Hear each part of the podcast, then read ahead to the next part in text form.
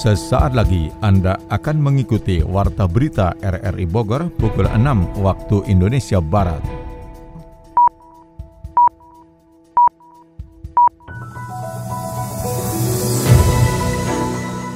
Selamat pagi, Saudara, kita bersua kembali lewat Warta Berita RRI Bogor, Senin 25 April 2022. Siaran ini juga dapat Anda dengarkan melalui aplikasi RRI Play serta turut disiarkan Radio Tegar Beriman, Kabupaten Bogor. Berikut kami sampaikan berita utama. Sedikitnya 1.200 personil akan disiagakan untuk mengamankan arus mudik dan balik Idul Fitri 1443 Hijriah di Kabupaten Bogor. Jadi nanti iringan atau bersamaan, di mana dilakukan one way, di situ juga skema ganjil genap dilaksanakan. Ketua Pradi Bogor Gunara berpendapat kasus Ujang Sarjana harus dilihat sebagai awal dari pengungkapan aksi premanisme dan pemerasan yang kerap terjadi kepada pedagang di pasar. Kan memaksa orang untuk membeli sesuatu yang dia tidak mau, umpamanya. Kalau enggak, dia nggak boleh dagang. Kan itu sebenarnya. Bersama saya Muhlis Abdillah, inilah Warta Berita selengkapnya.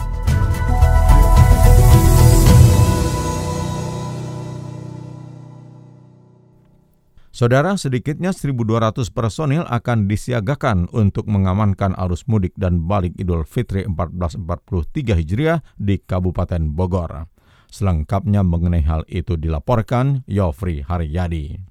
Hal ini terbukti berdasarkan hasil survei pada Litbang Kemenhub RI diprediksi sekitar 85,5 juta masyarakat. Sedikitnya 1.200 personil akan disiagakan untuk mengamankan arus mudik dan balik Idul Fitri 1443 Hijriah di Kabupaten Bogor. Kesiapsiagaan itu terlihat dalam persiapan gelar pasukan yang berlangsung di halaman Mako Polres Bogor di Cibinong, di halaman Gedung Tegar Beriman Cibinong sekaligus pemusnahan ribuan minuman keras dalam berbagai kemasan menandai dimulai operasi cipta kondisi menjelang Idul Fitri. Terkait itu, Bupati Bogor Ade Yasin menyebut pemerintah pusat memberikan keleluasan kepada masyarakat untuk merayakan Idul Fitri di kampung halaman dan memperbolehkan melakukan perjalanan mudik keluar daerah dengan syarat sudah vaksin booster.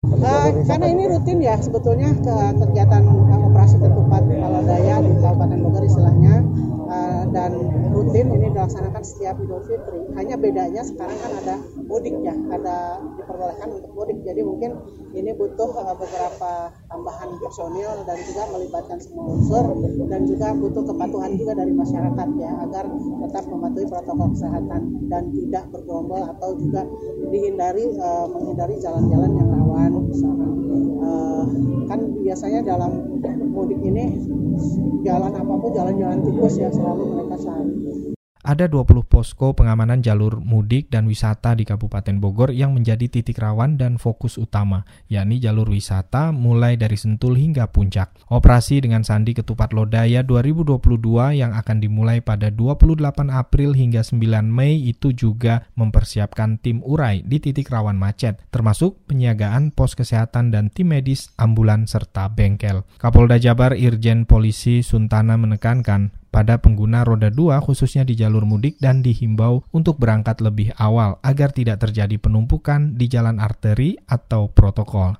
rekan-rekan yang menggunakan roda dua bersifat rombongan ya kadang-kadang suka mengindahkan aturan hmm. atau ketertiban dan ketatuan lintas. Kita ini akan melakukan sosialisasi bahkan nanti sampai edukasi dan kalau perlu melakukan tindakan kepada perilaku-perilaku pengendara motor yang selalu berjalan berombongan yang suka mengganggu dan mengambil hak ganjil genap untuk sepeda motor Pak. Sepeda motor. itu akan kita lakukan Pak.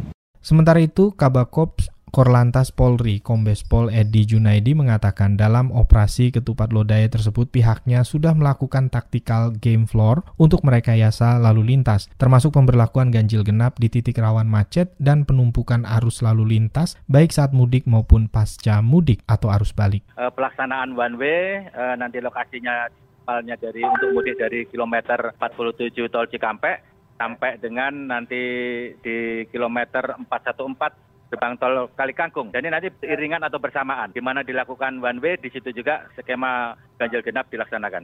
Kabupaten Bogor menjadi daerah yang bakal ramai dipadati setelah libur Idul Fitri dengan tujuan wisata. Sarlantas Polres Bogor juga telah menyiapkan mobil derek di Tanjakan Selarong, Gunung Mas, dan Taman Wisata Matahari Puncak. Sementara itu, Dinas Perhubungan Kabupaten Bogor akan melakukan pengecekan terhadap angkutan barang yang tidak diperkenankan beroperasi mulai H-3 Lebaran. Catatan selengkapnya disampaikan Adi Fajar Nugraha. Pemerintah Kabupaten Bogor bersama Polres Bogor mulai melakukan persiapan pengamanan jalur menjelang Hari Raya Idul Fitri 1443 Hijriah. Pengamanan dilakukan dengan membuat posko-posko yang tersebar di sejumlah titik yang menjadi wilayah lintasan pemudik. Kasat Lantas Polres Bogor AKP Diki Anggi Pranata menjelaskan, sebanyak 19 pos pengamanan telah disiapkan yang akan dijaga oleh petugas gabungan untuk mengamankan jalur mudik. Meski wilayah Kabupaten Bogor bukan menjadi tujuan mudik, namun Diki menuturkan wilayah Bogor selalu menjadi destinasi wisata wisata bagi masyarakat di kala libur hari raya. Untuk itu pihak Polres Bogor bersama Pemkap Bogor telah memploting petugas khusus untuk melakukan pemantauan dan pengawasan di jalur wisata yang diprediksi kunjungan masyarakat akan meningkat pada hari H Lebaran. Memang di kawasan Bogor sendiri dominasinya bukan sebagai daerah tujuan mudik melainkan tujuan wisata. Namun tetap kami prediksi tingkat ada peningkatan dari kunjungan masyarakat ke kawasan Bogor itu di hari H Lebaran sampai dengan H plus ya. Jadi oleh karena itu kami sudah menyiapkan ada ada 19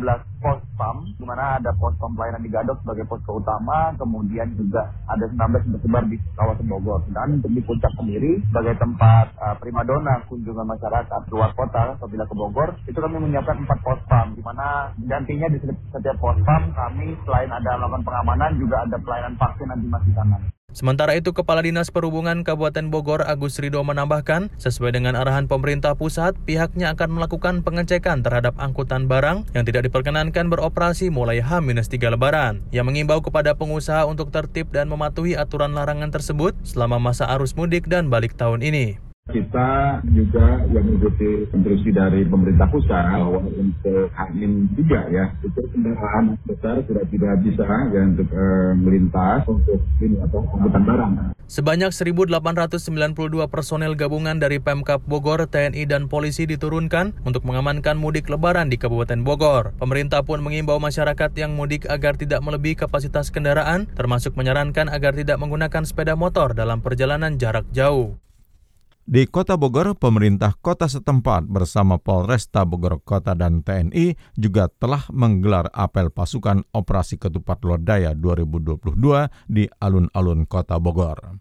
Kapolresta Bogor Kota Kombes Pol Susatyo Purnomo Condro menyebutkan sebanyak 900 personil gabungan dari Pemkot, Kodim, dan Polresta akan melakukan operasi ketupat Lodaya.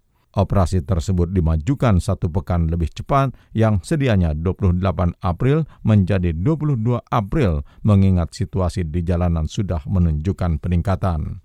Ada empat aspek yang menjadi objek operasi, yakni aspek kesehatan, aspek kelancaran, aspek keamanan, dan aspek ekonomi. Pada aspek kesehatan, masih terus digencarkan vaksinasi booster yang saat ini ada sekitar 70 sentra vaksin. Kemudian aspek kelancaran, pihaknya menyiapkan tujuh pos pengamanan termasuk pos yang terpusat di Baranang Siang untuk memudahkan serta memperlancar kegiatan masyarakat. Untuk aspek keamanan, pihaknya akan melakukan patroli dan RTRW juga akan menjaga lingkungannya. Sedangkan untuk aspek ekonomi, pihaknya tutur Kapolresta memastikan tidak ada panic buying semua kebutuhan bisa dipenuhi dan pihaknya akan terus berkolaborasi dengan pusat atau bulog jika memang ada kelangkaan di lapangan. Ketua Pradip Bogor Gunara berpendapat kasus Ujang Sarjana harus dilihat sebagai awal dari pengungkapan aksi premanisme dan pemerasan yang kerap terjadi kepada pedagang di pasar. Sony Agung Saputra menurunkan catatannya. Kasus Ujang Sarjana menjadi viral setelah adanya pengaduan dua orang warga Bogor kepada Presiden Jokowi saat melakukan kunjungan ke Pasar Bogor pekan lalu. Saat ini kasus tersebut menjadi perhatian banyak kalangan karena terindikasi tidak sekedar perkelahian antar pedagang yang berujung pada proses hukum terhadap Ujang Sarjana yang mendekam di sel tahanan. Ketua Pradi Kota Bogor Gunara berpendapat kasus tersebut harus dilihat sebagai awal dari pengungkapan aksi premanisme dan pemerasan yang kerap terjadi kepada pedagang di pasar. Ia menduga perkelahian tersebut dipicu adanya penjualan barang yang tidak semestinya sehingga terjadi cekcok antar mereka yang berujung perkelahian. aparat penegak hukum harus lebih dalam melihat kasus tersebut sehingga bisa mengungkap sebenarnya dari dugaan pemerasan yang dilakukan oknum preman kepada pedagang sehingga terjadi tindakan melawan hukum. Jangan ini asal ada sebuah kesepakatan mau harga berapapun itu nggak masalah. Tetapi kalau ada upaya untuk memaksa orang untuk membeli dari dianya apabila tidak maka dia tidak boleh dagang di situ. Nah ini berarti ada upaya paksa yang dilakukan oleh seseorang di situ. Nah mestinya para pedag eh, apa penegak hukum bisa melihat sampai sejauh itu bahwa apakah yang disebut yang melakukan pemerasan dengan cara menjual itu kan bisa memeras orang dong. Kalau kalau nggak beli sama gua awas lo ya kan gitu. Nah kalau enggak gue gebukin. Nah itu umpamanya meskipun itu dalilnya sebagai pedagang. Itu masuk nah, delik hukum ya? Oh iya dong, kan memaksa orang untuk membeli sesuatu yang dia tidak mau umpamanya. Kalau enggak dia nggak boleh dagang kan itu sebenarnya. Kamu boleh nggak mau beli sama saya, asal kamu nggak nggak jangan dagang di situ. Nah hmm. tempat lapak dia itu kan jadi dia harus keluar dari situ. Nah itu yang disebut preman kan ada di sana sebenarnya.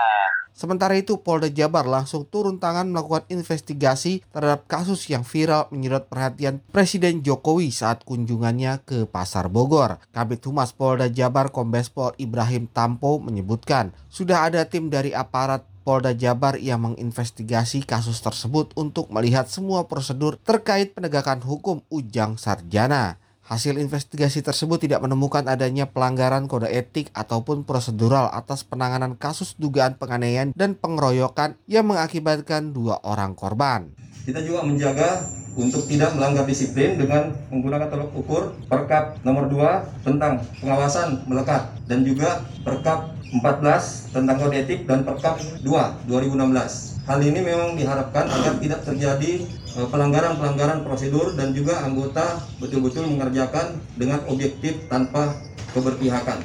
Dari hasil audit investigasi ini, tidak ditemukan adanya pelanggaran prosedur, juga netralitas berjalan, dan juga objektivitasnya berjalan sesuai dengan aturan-aturan tersebut. Sehingga e, disimpulkan bahwa tidak ada pelanggaran kode etik, disiplin, prosedur, maupun netralitas yang ada di dalam pemeriksaan tersebut. Sebenarnya spirit kasus dalam e, penanganan kasus ini, kita cukup support terhadap rasa keadilan dari kedua belah pihak. Sejak dari awal, kasus ini sudah diupayakan untuk diberikan restorasi justice Nah, namun karena memang belum ada titik temu dari kedua belah pihak, akhirnya e, dilakukan penegakan hukum. Penegakan hukum sendiri itu dilakukan itu untuk menegakkan hak hukum dari korbannya. Saat ini kasus tersebut sudah masuk persidangan sehingga majelis hakim akan memutus perkara dugaan penganiayaan dan pengeroyokan yang terjadi di kawasan Pasar Bogor. Sementara polisi juga masih mencari pelaku lainnya yang terlibat dalam kasus tersebut sehingga dapat menangani kasus secara menyeluruh. Program Bogor Mengaji Angkatan Pertama telah mewisuda sebanyak 1.500 peserta peserta yang didominasi para lanjut usia dari enam kecamatan sekota Bogor itu diwisuda di Gor Pajajaran. Wali Kota Bogor Bima Arya saat menghadiri wisuda menilai Bogor Mengaji merupakan program luar biasa yang diinisiasi Ketua Tim Penggerak PKK Kota Bogor, Yani Ardian, bersama jajarannya. Apresiasi diungkapkannya bagi semua pihak yang telah menggulirkan program Bogor Mengaji yang sudah pasti tidak mudah dan penuh perjuangan dan Pemkot Bogor akan terus berikhtiar agar program Bogor Mengaji terus bergulir. Namun Bima menekankan pekerjaan rumah dari program Bogor Mengaji tidak hanya sekedar bisa membaca atau menyempurnakan bacaannya, tetapi yang jauh lebih berat adalah menjalankan perintah Allah Subhanahu wa Ta'ala dan mengamalkan isi kandungan Al-Quran. Bima menambahkan program Bogor Mengaji merupakan program pemberdayaan masyarakat dalam rangka menuntaskan buta aksara Al-Quran di kota Bogor dan ke depan program tersebut tidak hanya menyasar lansia tetapi anak muda yang belum bisa membaca Al-Quran. Sementara itu, dukungan dan komitmen anggaran atas program tersebut disampaikan Ketua DPRD Kota Bogor Atang Trisnanto dan menurutnya tidak ada alasan untuk tidak mendukung program Bogor Mengaji. Program-program positif seperti Bogor Mengaji atau Sekolah Ibu kata Atang bisa diteruskan dan DPRD Kota Bogor siap mendukung 100% bila perlu anggarannya pun ditambah.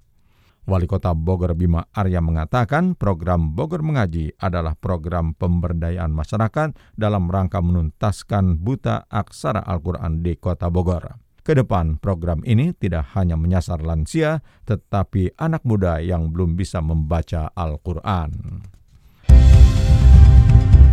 Saudara, Anda tengah mengikuti Warta Berita dari Radio Republik Indonesia Bogor. Dari dunia ekonomi dilaporkan, Gabungan Pengusaha Kelapa Sawit Indonesia menyatakan mendukung setiap kebijakan pemerintah terkait sektor kelapa sawit, termasuk larangan ekspor sawit dan minyak goreng. PT Jasa Marga menargetkan pendapatan dari jalan tol naik 27,3 persen selama H-7 hingga H plus 7 Idul Fitri 1443 Hijriah. Adi Fajar Nugraha merangkum catatannya.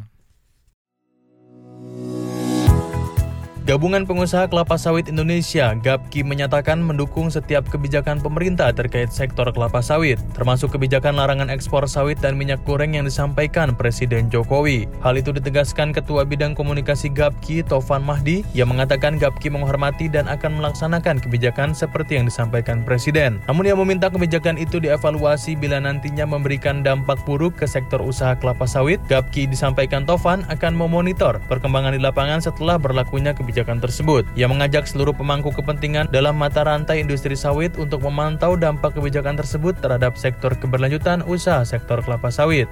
Tujuan dari pelarangan ekspor ini disampaikan Presiden Jokowi agar ketersediaan minyak goreng di dalam negeri akan membaik dan harganya juga diharapkan bisa turun.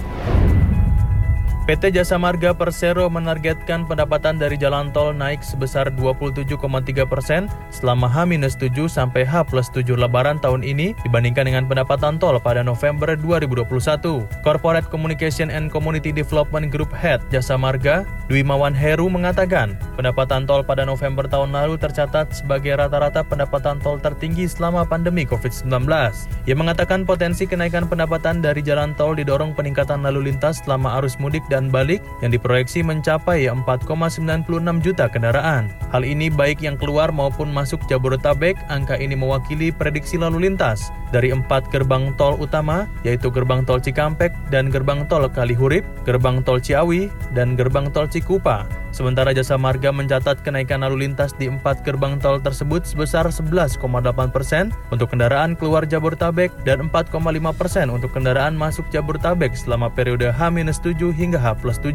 Menurut Heru, kebijakan pemerintah yang mengizinkan masyarakat untuk mudik akan menggairahkan perjalanan darat jarak jauh. Tren ini diharapkan berlanjut dalam libur panjang lain di luar libur panjang Lebaran 2022 sehingga akhir 2022 ini akan mendongkrak kinerja volume lalu lintas dan pendapatan tol perusahaan.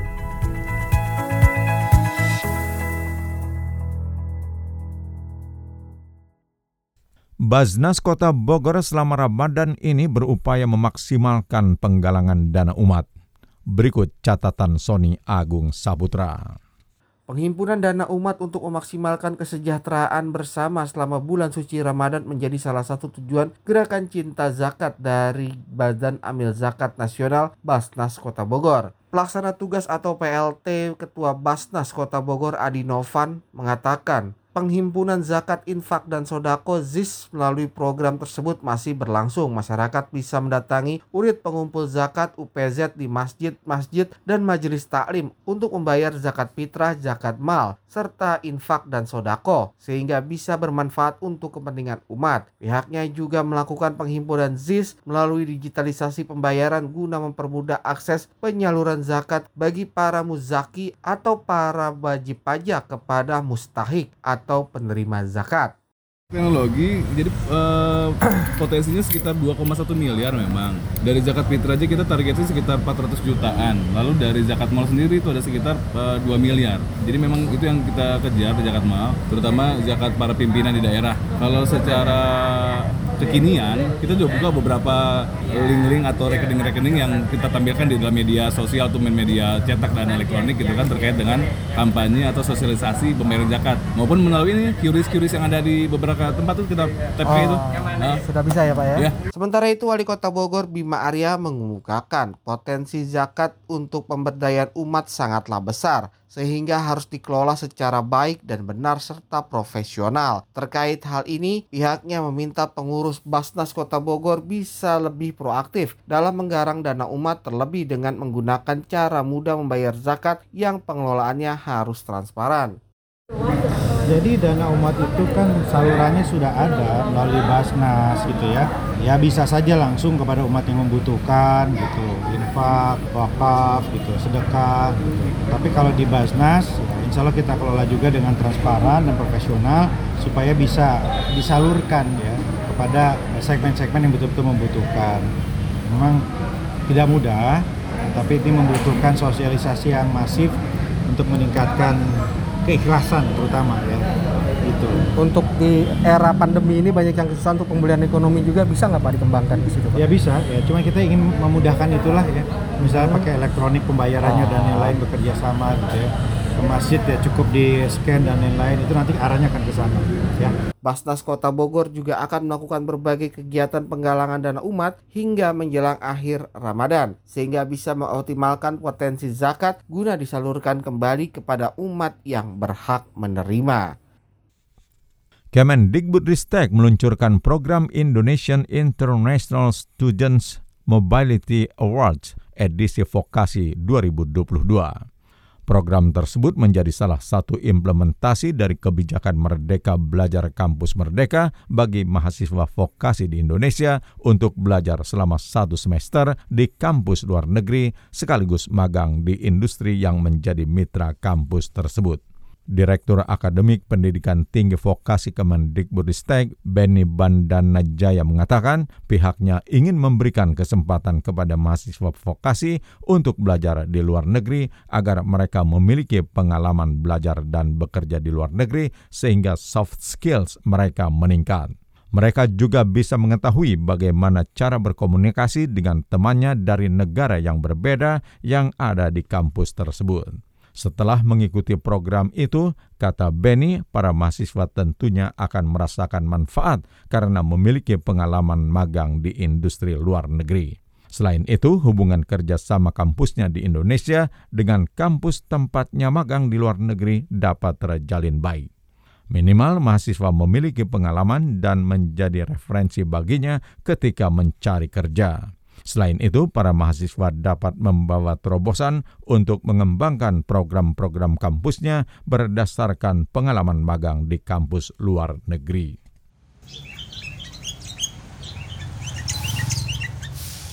Pagi, Ce Oom. Loh, kenapa anak-anak kepada berangkat sekolah, Ce? Ah, nggak usah, Bu RT. Da si Neng mah bentar lagi ge bakal saya kawinin. Kalau Hanif suruh bantuin bapaknya dagang. Ya, si Neng mah masih keneh muda. Masa mau dikawinin? Hanif juga kan paginya bisa sekolah. Pulangnya baru bisa bantuin dagang. Biayanya gede nyekolahin anak mah. Yang penting bisa baca tulis. Mending uangnya dipakai buat modal. Ulus, cece. Anak-anak punya hak mendapatkan pendidikan loh. Kalau mereka sekolah tinggi dan sukses, pasti bapak ibunya ikut bangga. Bener juga ya. Nanti teh bisa bantu ngegedein usaha bapaknya tuh. Iya. Ya udah kalau gitu, nanti diurusin lagi sekolahnya anak-anak. Terima kasih ya Bu RT.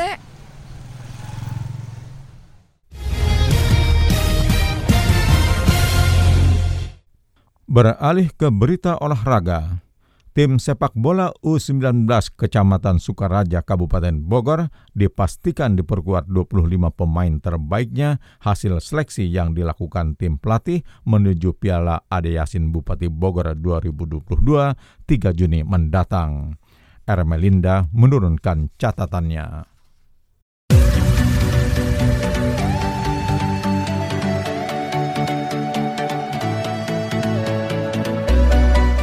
Sepak bola Kecamatan Sukaraja Kabupaten Bogor dipastikan diperkuat 25 pemain terbaik hasil seleksi yang dilakukan oleh tim pelatih menuju Piala Ade Yasin Bupati Bogor U19 2022 pada 3 Juni nanti. Seleksi skuad The Great King julukan bagi tim sepak bola Sukaraja besutan Oki Zulkifli berlangsung di lapangan Stadion Mini Kecamatan Sukaraja akhir pekan kemarin. Pada seleksi tersebut turut hadir Camat Sukaraja Ria Marlisa dan Ketua KOK Sukaraja Ebek Suher Kebersamaan dan paguyuban kepala desa. Dari seleksi tersebut, tim pelatih telah menetapkan 25 pemain perwakilan dari 13 desa sekecamatan Sukaraja.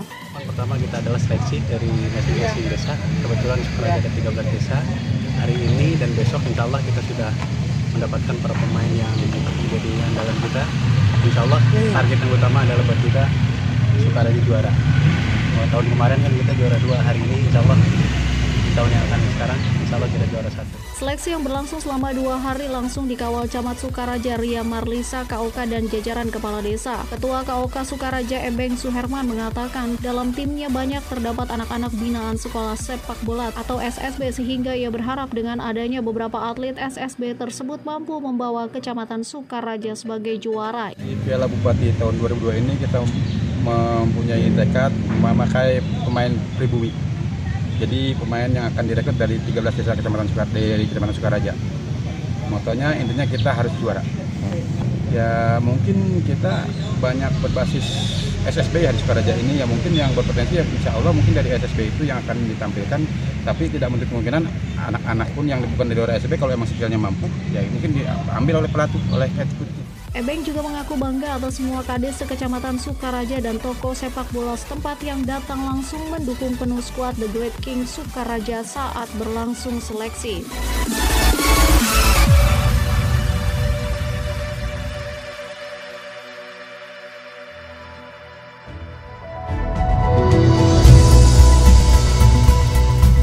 Saudara, informasi olahraga tadi sekaligus menutup perjumpaan kita lewat Warta Berita RRI Bogor pagi ini. Sekali lagi kami sampaikan berita utama. Sedikitnya 1.200 personil akan disiagakan untuk mengamankan arus mudik dan balik Idul Fitri 1443 Hijriah di Kabupaten Bogor. Ketua Pradi Bogor Gunara berpendapat kasus Ujang Sarjana harus dilihat sebagai awal dari pengungkapan aksi premanisme dan pemerasan yang kerap terjadi kepada pedagang di pasar. Siaran ini dapat Anda dengarkan kembali melalui podcast kami di Spotify, Anchor, Podtail, dan Google Podcast.